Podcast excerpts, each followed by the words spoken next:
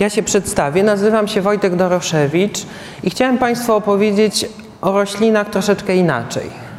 Przede wszystkim chciałem wam, Państwu powiedzieć, że od roślin bardzo wiele zależy.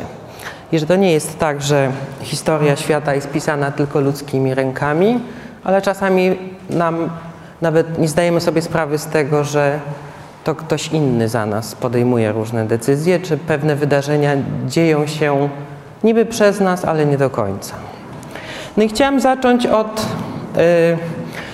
takiego obrazka, który pokazuje, może tutaj tak nie do końca dobrze widać, ale na tym obrazku jest człowiek ukryty głęboko w lesie. No i to jest właśnie jeden z tych ludzi, E, odkrywców czy naukowców, w zależności od tego, kiedy to się działo, to różnie ich żeśmy nazywali, ale jest to człowiek, który właśnie szuka nowych roślin. Szuka nowych roślin, które będą potrzebne w różnych sytuacjach. Najczęściej kojarzymy ekspedycje botaniczne z poszukiwaniem roślin ozdobnych.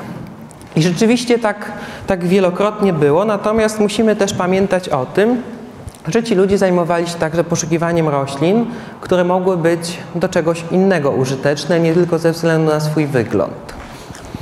Takich roślin oczywiście jest bardzo dużo, ale zaczniemy może właśnie od tych roślin, które lubimy za ich wygląd, które nam się podobają ze względu na to, że są piękne, kolorowe.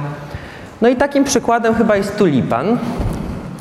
Ale nie wiem, czy Państwo wiedzą, że tulipan sporo namieszał w historii jednego z państw, które zresztą do tej pory szczyci się tym, że jest krajem tulipanów, choć tulipany z niego wcale nie pochodzą. Mowa oczywiście o Holandii, czy ówczesnym Królestwie Niderlandów, kiedy to w XVII wieku tulipan spowodował tak naprawdę wśród ekonomistów jest taka właściwie prawie zgoda, że to była pierwsza bańka spekulacyjna. Właśnie handlu cebulkami tulipanów. Tulipany tak się podobały, a ponieważ w XVII wieku nie potrafiono utrwalać odmian, w związku z tym e, tulipany w poszczególnym wyglądzie, właśnie najczęściej to były takie tulipany, które miały e, zwykle dwukolorowe i jeden ten kolor właśnie wyglądał jako takie właśnie piórka albo takie paseczki. To były tak naprawdę choroby wirusowe, które dotykały poszczególne cebule i one oczywiście były nietrwałe, nie przenosiły się zazwyczaj, e, nie były to trwałe, trwały, trwały wygląd tych kwiatów. W związku z tym wiele tych cebulek było, że tak powiem, niepowtarzalnych i osiągały ogromne, ogromne ceny. Holendrzy tak bardzo tak bardzo lubili tulipany, że w pewnym momencie jedna cebulka mogła kosztować tyle, ile, ile dziesięcio, dziesięcioletnia pensja wysokości. E, a, czyli to około, około tysiąca ówczesnych guldenów. Najdroższa cebulka, jaką sprzedało, sprzedano, kosztowała 6 tysięcy guldenów. E, wielokrotnie było tak, że te cebulki kosztowały więcej niż całe ogromne gospodarstwa rolne z całym dobytkiem. I często też tak było, że właściciele zastawiali te swoje, właściwie cały swój majątek po to, żeby kupić cebulki. Kiedy się okazało, że można na tym bardzo dobrze zarobić, zaczęto sprzedawać cebulki, których jeszcze nie było. I w pewnym momencie powstał krach i bardzo wielu ludzi zbankrutowało, stąd mamy właśnie tą pierwszą bańkę bańkę spekulacyjną, która no, mocno zatrzęsła gospodarką całej ówczesnej Holandii tak naprawdę. No a wszystko przez ten jeden niepozorny kwiat tak naprawdę. Czy możemy mówić o innych roślinach ozdobnych, które w jakiś sposób zmieniają świat i wpływają na historię? No myślę, że można, może nie aż tak, jak to było w przypadku tulipana, ale mamy inne przykłady roślin, które bardzo mocno nas zajmują, zajmują nasz czas. No i na pewno taką grupą roślin są storczyki, e, które są hodowane w wielu miejscach na świecie i które bardzo chętnie też są przez nas trzymane w domach. No i taką rośliną jest ćmówka, czyli popularny falenopsich. Odmian tego storczyka jest bardzo dużo. Myślę, że większość z Państwa ma przynajmniej jeden ten storczyk w domu albo go miało. E, jest to o tyle y, przyjemny storczyk, że jest dość łatwy w uprawie, w związku z tym można go trzymać także w mieszkaniach, w których nie ma wystarczającej wilgoci, e, żeby on się utrzymał i kwitł nawet wielokrotnie. No ale teraz jest pytanie, czy to za naszą sprawą lubimy storczyki, czy to za sprawą storczyków? Pytanie jest, czy, no bo tak naprawdę dzięki nam storczyki osiąg te akurat osiągnęły niesamowity sukces. Rosną na całym świecie, rozprzestrzeniły się na cały świat. No jest pytanie, czy to nie one czasem nami kierują, bo nie przyciągają naszej uwagi swoim pięknem i nie osiągają dzięki temu ogromnego sukcesu tak naprawdę. Więc chciałbym Państwu powiedzieć o historii świata z perspektywy roślin. Dwa przykłady już podałem, jeszcze kilka chciałem Państwu przedstawić. Chciałem się od razu też usprawiedliwić, ponieważ większość tych przykładów będzie dotyczyła roślin pochodzących z Ameryki albo roślin, które bardzo wpłynęły na historię właśnie co y, Ameryki, czyli kontynentu odkrytego nieco później. No i zaczniemy może od pomidora, roślina typowo amerykańska, bez której chyba trudno nam sobie jest wyobrazić życie. A czy potrafimy, o, czy potrafimy sobie wyobrazić kuchnie niektóre bez pomidora? No nie. Czy kuchnia włoska istniałaby w dzisiejszej formie bez pomidora? Oczywiście, że nie. A jest bardzo ciekawa historia pomidora, ponieważ trafił z Ameryki do Europy bardzo szybko, ale trafił jako roślina ozdobna. Nie jedzono owoców pomidora. Używa, uważano je za trujące. Zresztą y, o tym też mówi y, nazwa łacińska pomidora, którą można wolno przetłumaczyć jako wilcza brzoskwinia, czyli coś na kształt wilczej jagody. Uważano, że y, owoce pomidora są niejadalne albo nawet trujące, chociaż jak wiemy owoce pomidora nie wywołują żadnych trudności z trawieniem czy jakichś dolegliwości żołądkowych, ale taki przesąd razem z pomidorem do Europy trafił. Ale później oczywiście pomidor się świetnie przyjął i większość kuchni europejskich bez pomidora właściwie można było powiedzieć nie istnieje. Inną rośliną z tej samej rodziny jest ziemniak, czyli rodzina psiankowatych. Zresztą bardzo ważna roślina, ponieważ, e, rodzina, ponieważ z tej rodziny pochodzą też papryka, bakłażan, bardzo wiele roślin ozdobnych i leczniczych. E, no i ziemniak, bardzo popularna roślina, w Polsce szczególnie, też roślina amerykańska. No ale ziemniak tak naprawdę mocno namieszał w tej historii. Przykładów jest bardzo wiele. Ziemniak, podobnie jak pomidor, trafił do Europy stosunkowo szybko po odkryciu Ameryki, natomiast podobnie jak pomidor nie przyjął się jako roślina e, użytkowana jako roślina jadalna. Co więcej, w przypadku ziemniaka, jak wiemy, E, zjedzenie go na surowo może się e, nie najlepiej skończyć. I rzeczywiście nawet w niektórych krajach nazywano ziemniaka bulwą Belzebuba i uważano go za roślinę trującą. Co więcej, hodowano go podobnie jak pomidora jako roślinę ozdobną i na przykład Maria Antonina e, nosiła kwiaty ziemniaka przy swoich sukniach. E, I tak naprawdę dopiero w XVIII wieku z ziemniakiem zaczęło się dziać trochę więcej i zaczęto go używać jako rośliny bardzo ważnej. Ale to też tak naprawdę w niektórych krajach europejskich był on rzeczywiście uprawiany na niedużą skalę, między innymi w, w Europie Środkowej, częściowo w Niemczech, częściowo w Hiszpanii, natomiast we Francji czy w Wielkiej Brytanii niekoniecznie ten pomidor się, ten ziemniak się przyjął. E, I to może wynikać też z tego względu, że na przykład królowej Elżbiecie ziemniaka nie podano w postaci ugotowanej bulwy, tylko sałatki z liści i to surowych. W związku z tym e, trudno się dziwić, że ziemniak nie trafił tak łatwo na stoły.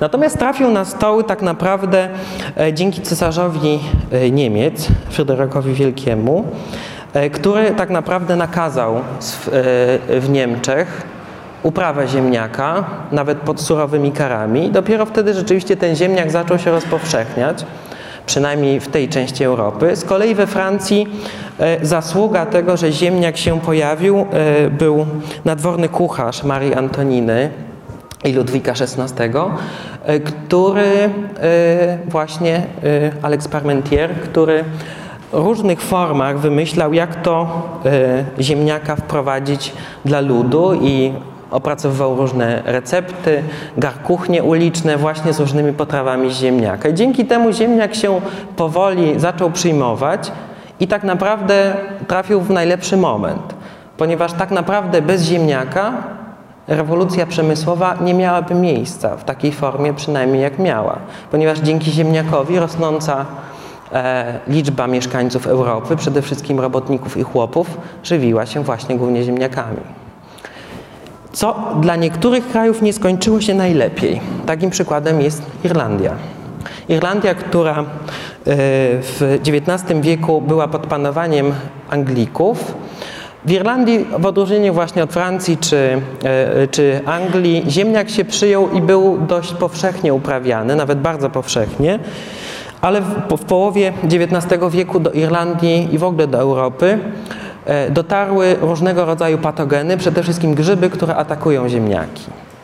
No i niestety przez to, że mieszkańcy Irlandii byli właściwie całkowicie uzależnieni od ziemniaka, a dwa, Anglicy w sytuacji, kiedy ta zaraza właściwie e, zdziesiątkowała całe pola ziemniaka w Irlandii, niespecjalnie pomagali, wręcz przyczynili się wtedy do blokady wyspy, no i w wyniku której mówimy o wielkim głodzie w Irlandii który jest jedną chyba z ważniejszych wydarzeń tego kraju, bo w wyniku tego do tej pory Irlandia ma mniejszą liczbę mieszkańców niż miała ponad 150 lat temu, ponieważ ponad milion e, mieszkańców Irlandii zmarło wtedy z głodu w przeciągu e, kilku lat, a ponad 2 miliony wyemigrowało do Stanów Zjednoczonych. No i teraz wyobraźmy sobie, jaki to jaki ogromny wpływ ta wielka migracja irlandzka miała też na historię Stanów Zjednoczonych, bo z tej grupy między innymi e, wywodzą się prezydenci Stanów Zjednoczonych, takich jak John Kennedy na przykład. E, takich historii z ziemniakiem jest bardzo dużo i można byłoby o ziemniaku, samemu ziemniakowi poświęcić kilka spotkań, no ale nie mamy na to czasu. Chciałem teraz Państwu zadać pytanie. Dlaczego Kolumb w ogóle popłynął? Czy mają Państwo jakiś pomysł? Oczywiście odpowiedź dotyczy roślin.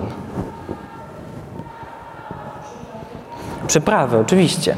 Kolumb szukał nowej drogi do Indii, czyli do Azji, ze względu na to, że w Europie e, brakowało przypraw, a Europejczycy też chcieli zmniejszyć monopol krajów e, arabskich, głównie rosnącego w siłę imperium osmańskiego na monopol handlu przyprawami. Głównie oczywiście pieprzem, goździkami, cynamonem e, czy gałką muszkatułową.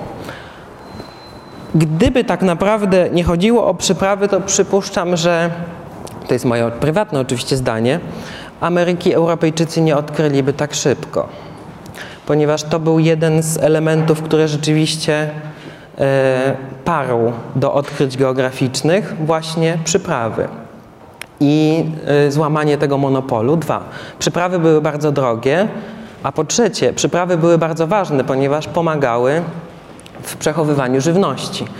E, nie przechowywano wtedy żywności w postaci schłodzonej, ponieważ no, nie znano jeszcze wtedy lodówek, a nie można przecież wszystkiego zasuszać i solić wiecznie, bo to po prostu jest niesmaczne. A przyprawy oprócz tego, że dawały smak, także e, po, po, powodowały, że można było pożywienie przechowywać znacznie dłużej. To mam do Państwa kolejne pytanie. Dlaczego tak łatwo, oczywiście w cudzysłowie, podbito Amerykę?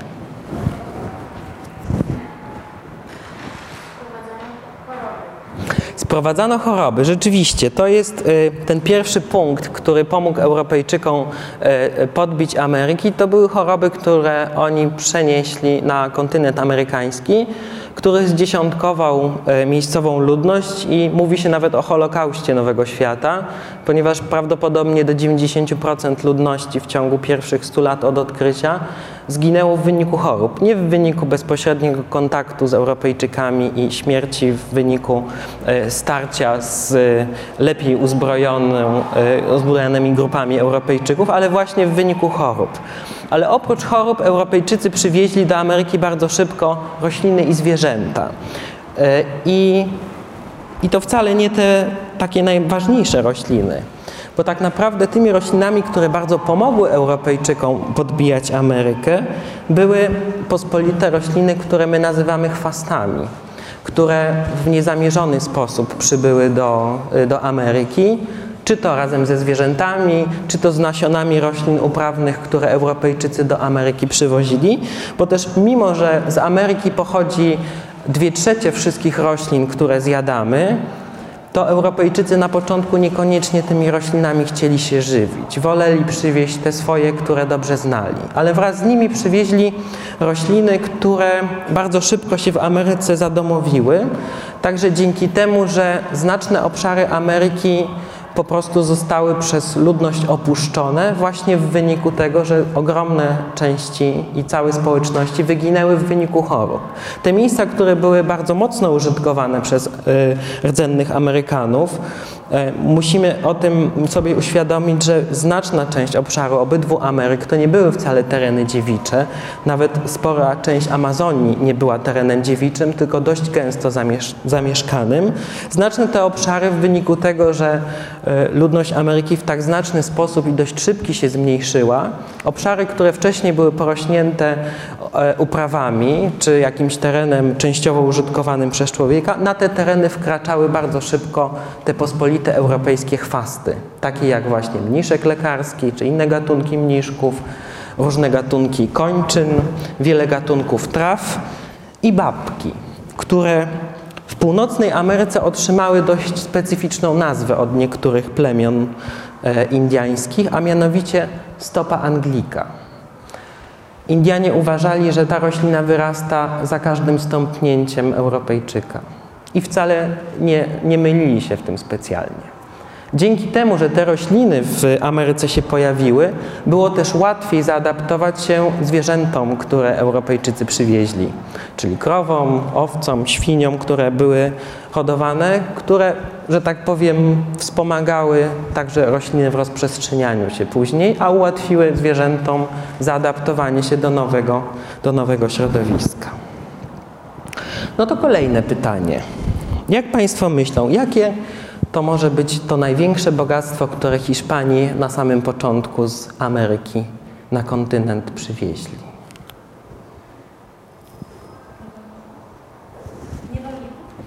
Niewolników? Nie.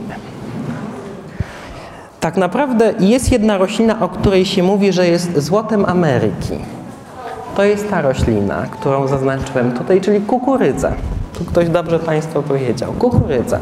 Kukurydza, czyli najważniejsze zboże Ameryki, e, w odróżnieniu od ziemniaka czy pomidora dość szybko się w Europie przyjęła, a szczególnie w Hiszpanii. Hiszpanie szybko przywieźli kukurydzę do Europy i co więcej kukurydza dość szybko też zaadoptowała się e, w Hiszpanii i pomogła utrzymywać przez długi czas ludność Hiszpanii.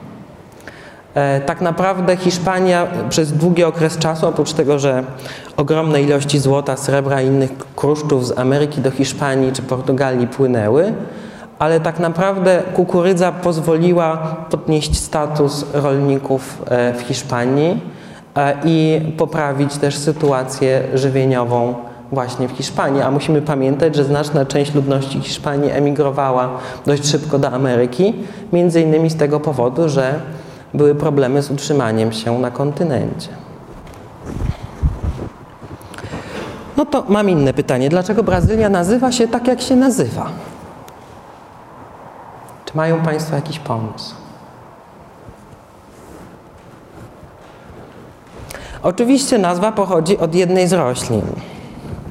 Tą roślinką jest po polsku brezylka ciernista, e, inaczej nazywana pau Brasil, Nazwa pochodzi z języka, jednego z języków e, miejscowej ludności, troszeczkę zmieniona przez język portugalski, czy Brazil Wood po angielsku.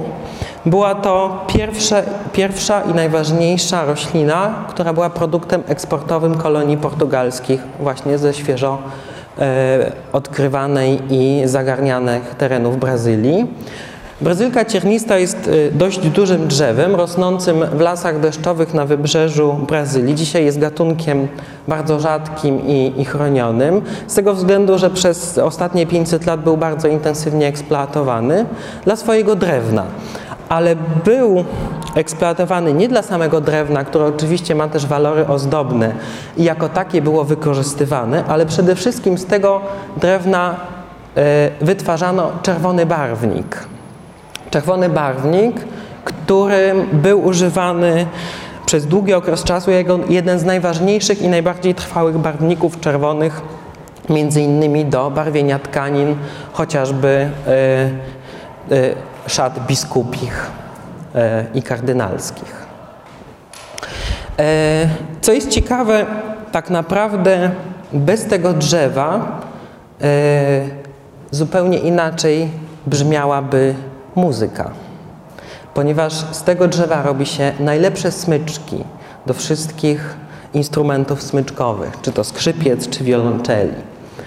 E, stąd też teraz jest wspólny program ochrony tego drzewa, nie tylko osób, które zajmują się ochroną przyrody, ale także muzyków.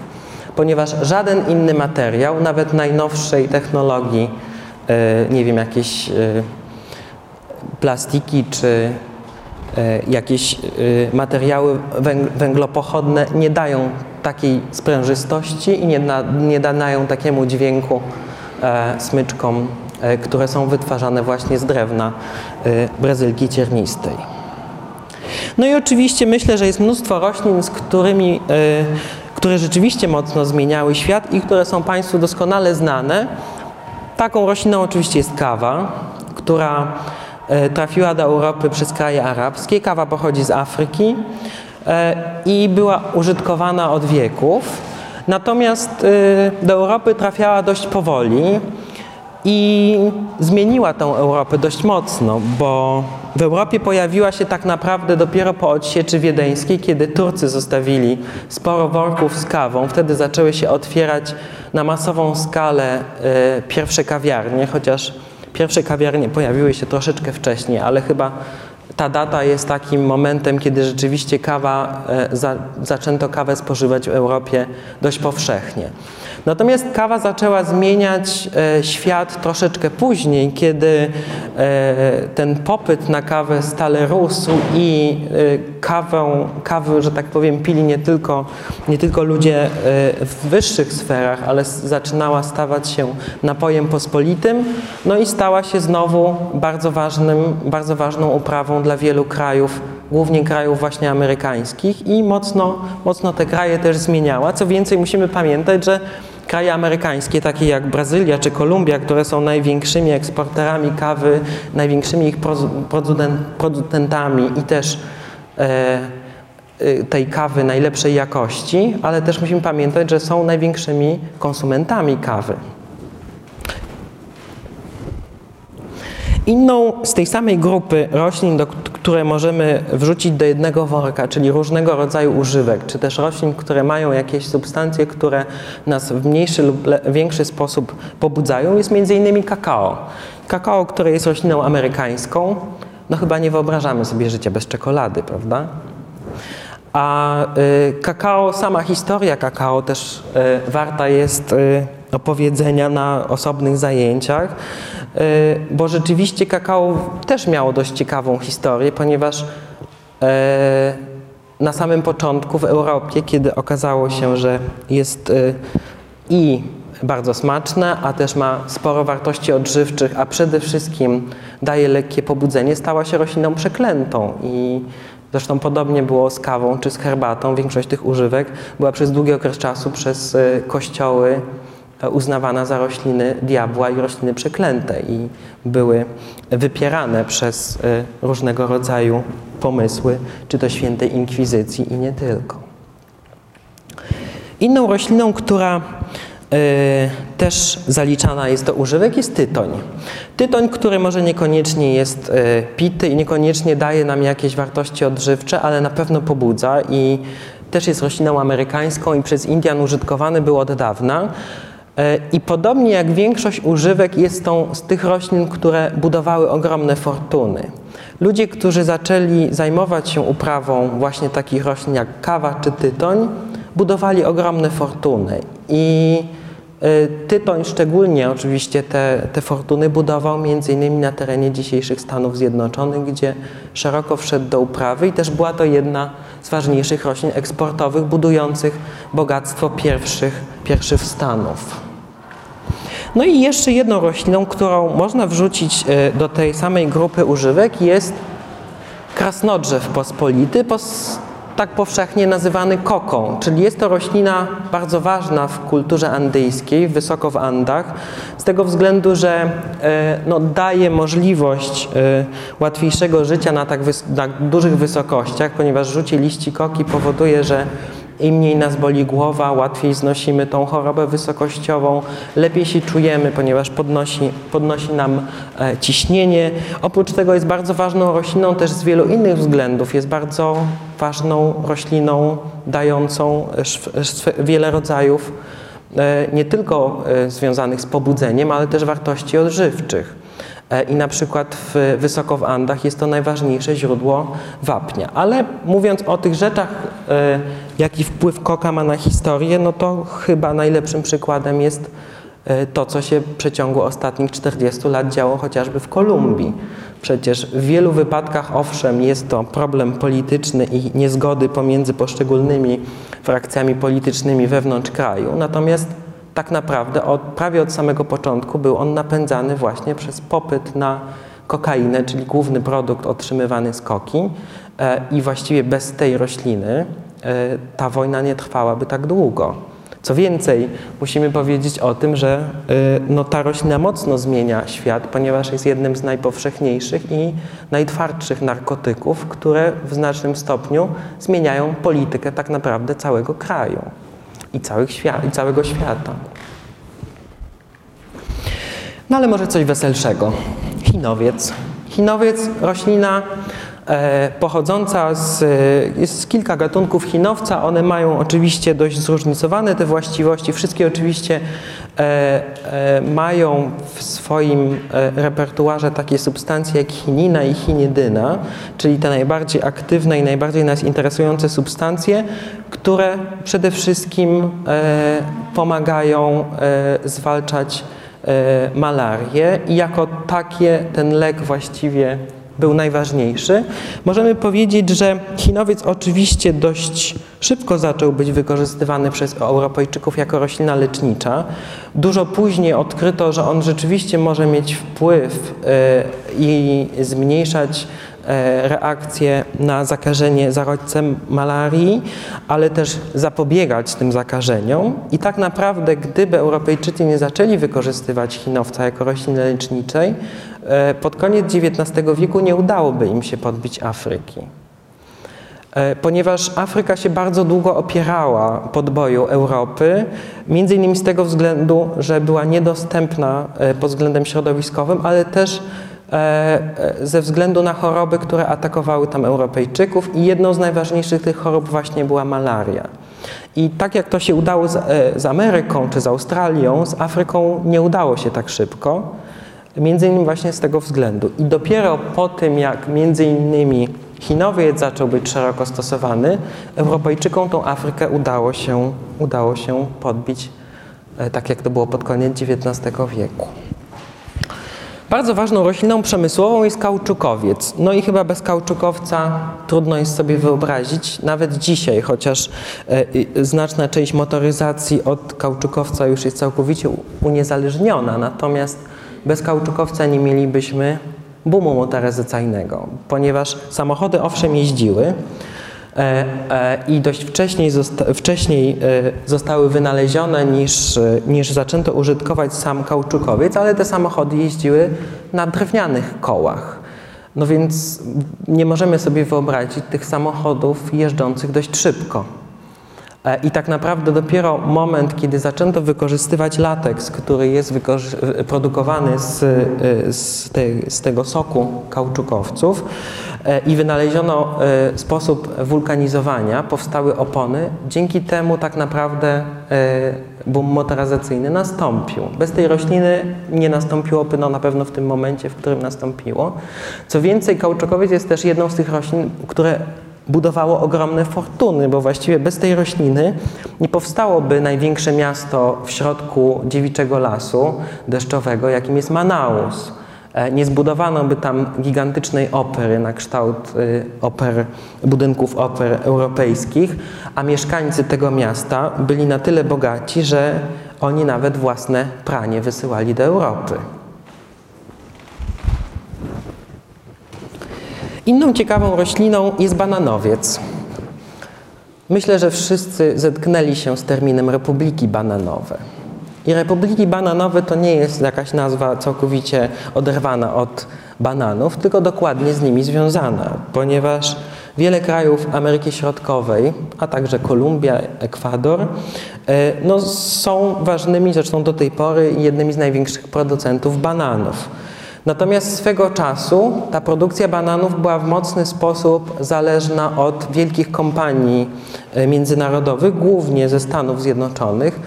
Nie wiem, czy Państwo słyszeli, ale taka nazwa United Food Company była swego czasu jedną z największych korporacji, które e, na tym świecie była i zajmowała się właśnie głównie produkcją i eksportem owoców, głównie z krajów Ameryki Łacińskiej. E, do tego stopnia była e, firmą czy organizacją silną, że wpływała na politykę tych krajów. Stąd też mamy właśnie tą nazwę Republiki Bananowe, ponieważ kiedy e, którykolwiek z tych małych krajów, takich jak Nikaragua, Gwatemala, Kostaryka czy Ekwador, chcia, zmieniały w demokratyczny sposób swoje rządy i nowo wybrany rząd nie był pomyśli E, tej korporacji, no to bardzo często dochodziło do interwencji Stanów Zjednoczonych e, albo innej interwencji właśnie za sprawą tej firmy United Fruits Company. Stąd też ten termin Republiki Bananowe mówi właśnie o słabości e, takich rządów wobec dużo silniejszego, silniejszego wroga. No i mam pytanie związane właśnie ze Stanami Zjednoczonymi. Dlaczego wojna secesyjna wybuchła? Bawełna. Oczywiście. Oprócz tego, że mieliśmy spór polityczny, spór o traktowanie niewolników yy, i te inne spory polityczne, tak naprawdę u podłoża tego sporu pomiędzy Stanami Północy a Południa leżała bawełna. Bawełna, która była uprawiana na szeroką skalę w Stanach Południowych i właściwie stanowiła trzon gospodarki. Dlatego e, Stany Południowe nie chciały się zgodzić na zniesienie niewolnictwa ponieważ wtedy nie opłacałoby się im uprawiać bawełny i całkowicie zmieniłby się status elity e, e, żyjącej na południu Stanów Zjednoczonych. Więc tak naprawdę, jakbyśmy się przyjrzeli temu, to u podłoża wojny secesyjnej nie leżą problemy polityczne, tylko problemy gospodarcze, a dokładniej problemy związane z tą rośliną, z bawełną. No to jeszcze Stany Zjednoczone. Czy ktoś z Państwa ma pomysł, dlaczego Stany Zjednoczone osiągnęły taką potęgę gospodarczą, jaką osiągnęły? Słucham? Zboże też, ale zboże nie było najważniejsze. Najważniejszym tak naprawdę od samego początku produktem Stanów Zjednoczonych i na rynku lokalnym, ale też w różny sposób, y, w różnej formie i postaci eksportowanym było amerykańskie drewno. Drzewo amerykańskich lasów, lasów, które porastały ogromne połacie, zarówno przede wszystkim wschodniego wybrzeża, zarówno lasy iglaste na północy, jak i liściaste bardziej na południe, jak i w mniejszym stopniu też ogromne drzewa rosnące na zachodnim wybrzeżu. Dzięki tym drzewom, po pierwsze, Stany Zjednoczone e, rozbudowywały się dość szybko.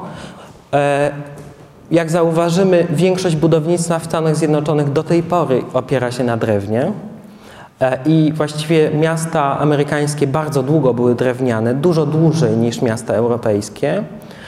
Co więcej, drewno było bardzo ważnym produktem eksportowym.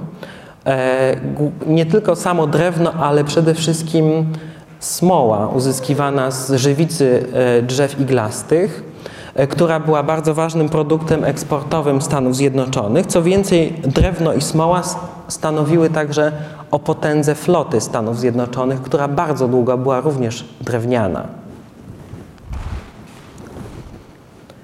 I właśnie jedną, jedną z tych roślin, która miała ogromny wpływ na y, rozwój y, i budowanie potęgi y, gospodarczej Stanów Zjednoczonych była sosna wejmutka, która jest owszem uprawiana także w Europie, natomiast w Stanach Zjednoczonych i w południowej Kanadzie ona rośnie, rośnie w sposób naturalny i była wykorzystywana bardzo szeroko. Przede wszystkim właśnie do produkcji smoły z żywicy, która była bardzo ważnym elementem, e, między innymi głównie właściwie do, przy produkcji statków, uszczelniania tych statków e, Tutaj mamy także te ogromne drzewa, które rosły na znacznych obszarach zachodniego wybrzeża Stanów Zjednoczonych, czyli jedne z największych, najdłużej żyjących drzew świata, takich jak sekwoja wiecznie zielona czy mamutowiec olbrzymi.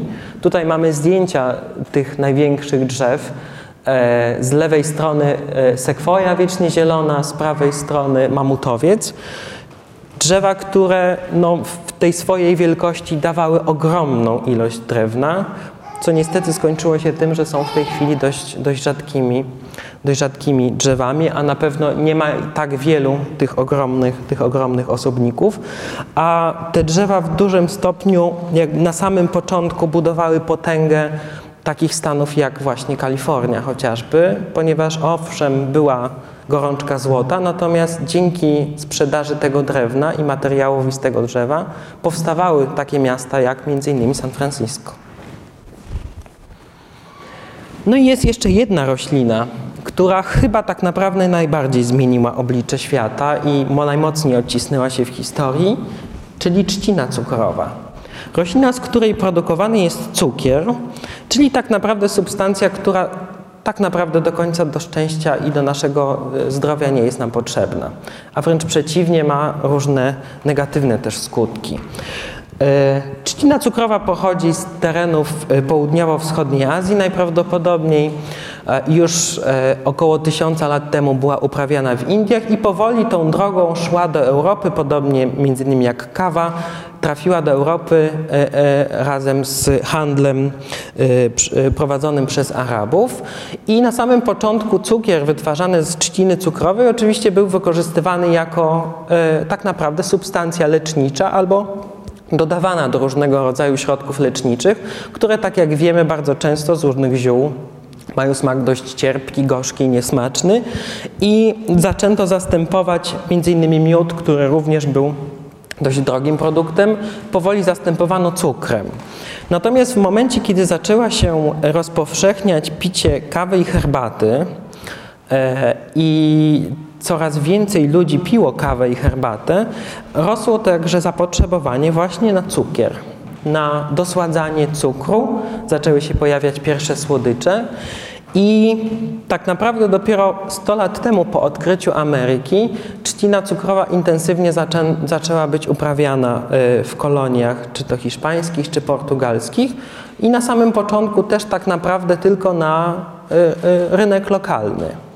Dopiero w pewnym momencie, kiedy to zapotrzebowanie na cukier było bardzo duże, zaczęto e, zwiększać te uprawy i coraz więcej cukru e, eksportowano e, do Europy i ten cukier stał się powoli głównym produktem eksportowym wielu kolonii, szczególnie małych wysp karaibskich, takich jak Haiti czy Barbados, które właściwie całkowicie były oparte na produkcji cukru z trzciny cukrowej i jego eksporcie.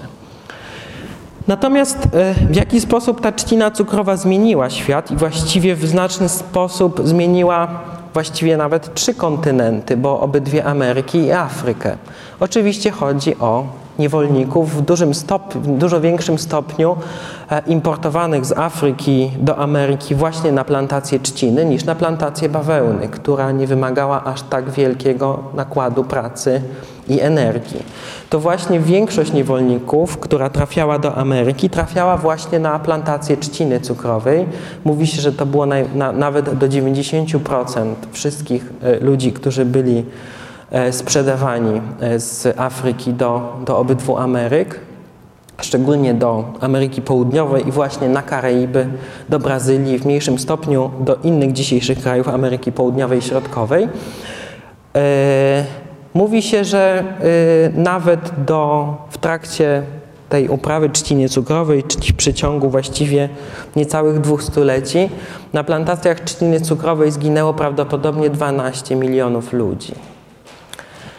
E, oprócz tego, tak naprawdę, trzcina cukrowa w znaczny sposób zmieniła e, sytuację społeczną obydwu Ameryk, ponieważ w tej chwili ponad połowa mieszkańców Brazylii ma pochodzenie afrykańskie. Praktycznie całe Karaiby mają pochodzenie afrykańskie i w wielu miejscach Ameryki mamy tak naprawdę potomków mieszkańców Afryki, Afroamerykanów. Y, więc tak naprawdę jest to roślina, która zmieniła właściwie całe społeczeństwo obydwu, obydwu Ameryk, przyczyniła się do drenażu całych społeczności afrykańskich, zniszczenia wielu kultur afrykańskich e, i wielu, wielu, wielu innych, innych niespecjalnie dobrych rzeczy. A oprócz tego cukier niekoniecznie nam jest do szczęścia potrzebny tak naprawdę. No i chciałem jeszcze powiedzieć na zakończenie o kilku roślinach, o których możemy mówić, że one dopiero teraz zaczynają zmieniać świat. Znowu są to przykłady tylko amerykańskie. Taki, taki mam, mam, jest mój wybór. Jedną z tych roślin jest stevia, mała, niepozorna roślina, którą myślę wszyscy już dobrze znają. Co prawda do niedawna ona w Europie jeszcze nie była tak powszechna ze względu na to, że no nie do końca wszystkie badania, które były prowadzone, uznawały, że e, ta substancja słodząca, która pochodzi ze stevii, jest dla nas całkowicie bezpieczna, ale od niedawna uznano, że tych skutków ubocznych jest stosunkowo niewiele i są na tyle rzadkie, że stevii można używać.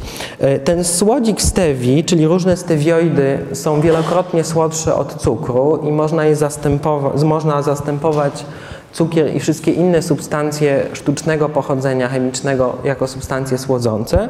No i rzeczywiście, tak jakbyśmy się przyjrzeli teraz, no to coraz więcej produktów właśnie ze substancjami stevii e, ma ma, jest, ma, mają zastosowanie właśnie te substancje słodzące ze stevii. Stevia pochodzi, jest od bardzo dawna wykorzystywana, e, pochodzi z terenów dzisiejszego Paragwaju, gdzie między innymi e, Guarani, mieszkańcy tego obszaru, użytkowali stewię między innymi do słodzenia yerba mate, czyli herbaty z ostrokrzewu paragwajskiego. Inną taką rośliną, którą można nazwać apteką na wszystko jest wilka kora, e, albo po polsku czepota puszysta, e, albo inaczej koci pazur, pod tą nazwą też się może pojawić. Nawet już teraz u nas jest dość powszechnie dostępna jako roślina, którą, e, której korę tak naprawdę głównie się wykorzystuje. E, roślina, która ma bardzo szerokie zastosowanie jako roślina, która wspomaga nasz układ odpornościowy e, i w wielu różnych e, chorobach właśnie związanych z utratą tej odporności lub zmniejszeniem tej odporności, czy przy różnych terapiach, takich jak chemioterapia czy radioterapia, bywa często użytkowana właśnie jako roślina, która wspomaga. I tych właściwości tej rośliny jest bardzo dużo. Ona jest cały czas też poddawana różnego rodzaju badaniom. No i można powiedzieć, że w wielu wypadkach zmienia tą historię. Inną rośliną, która teraz y, w wielu miejscach, można powiedzieć, zastępuje niektóre używki, które mają w swoim składzie kofeinę, jest guarana.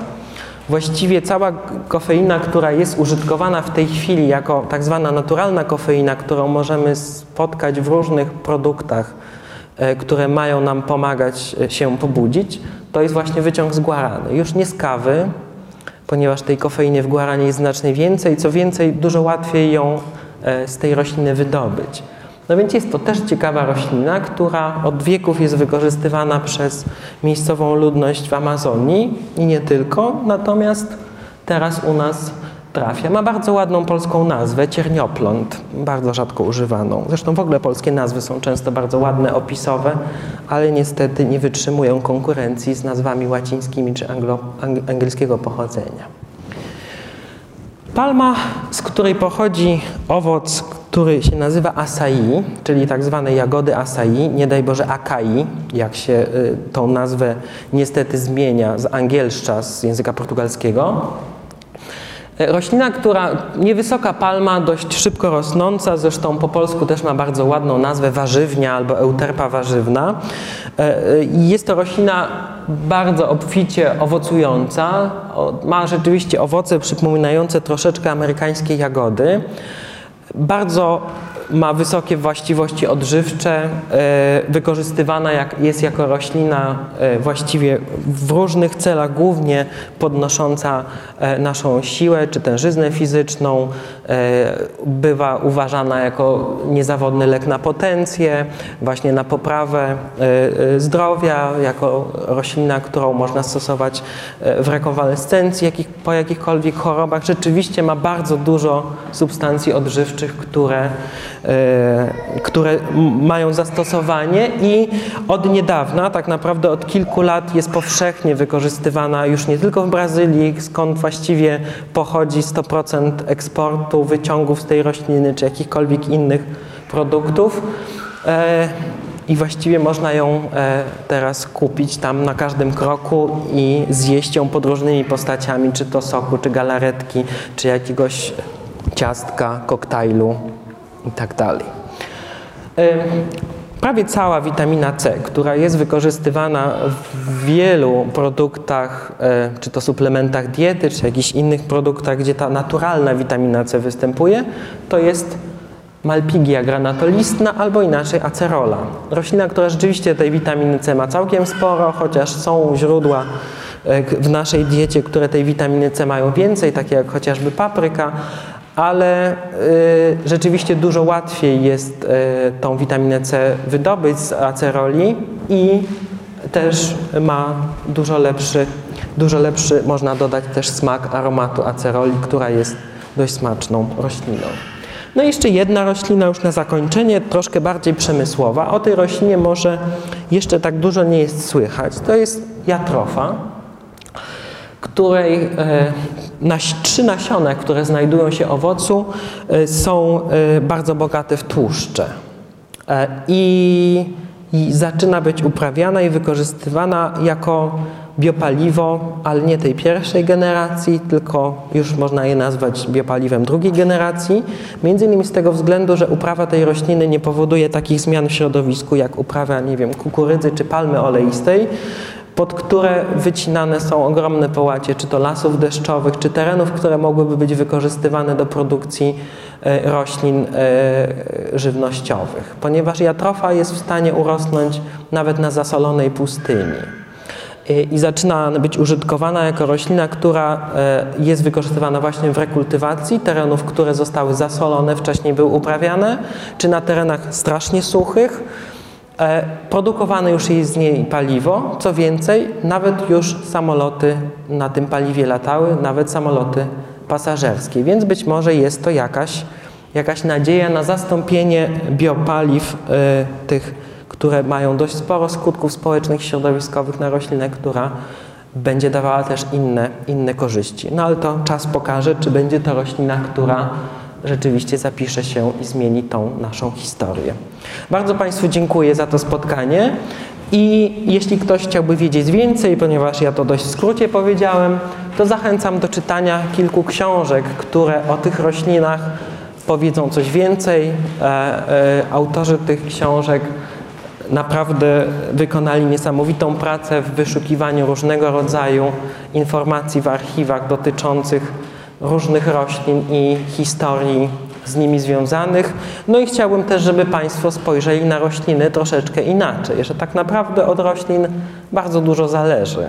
No, chociażby to, że bez tych roślin wcale by tu nas nie było, bo świat bez tlenu wyglądałby inaczej i pewnie by nas nie było. Dziękuję Państwu serdecznie za uwagę.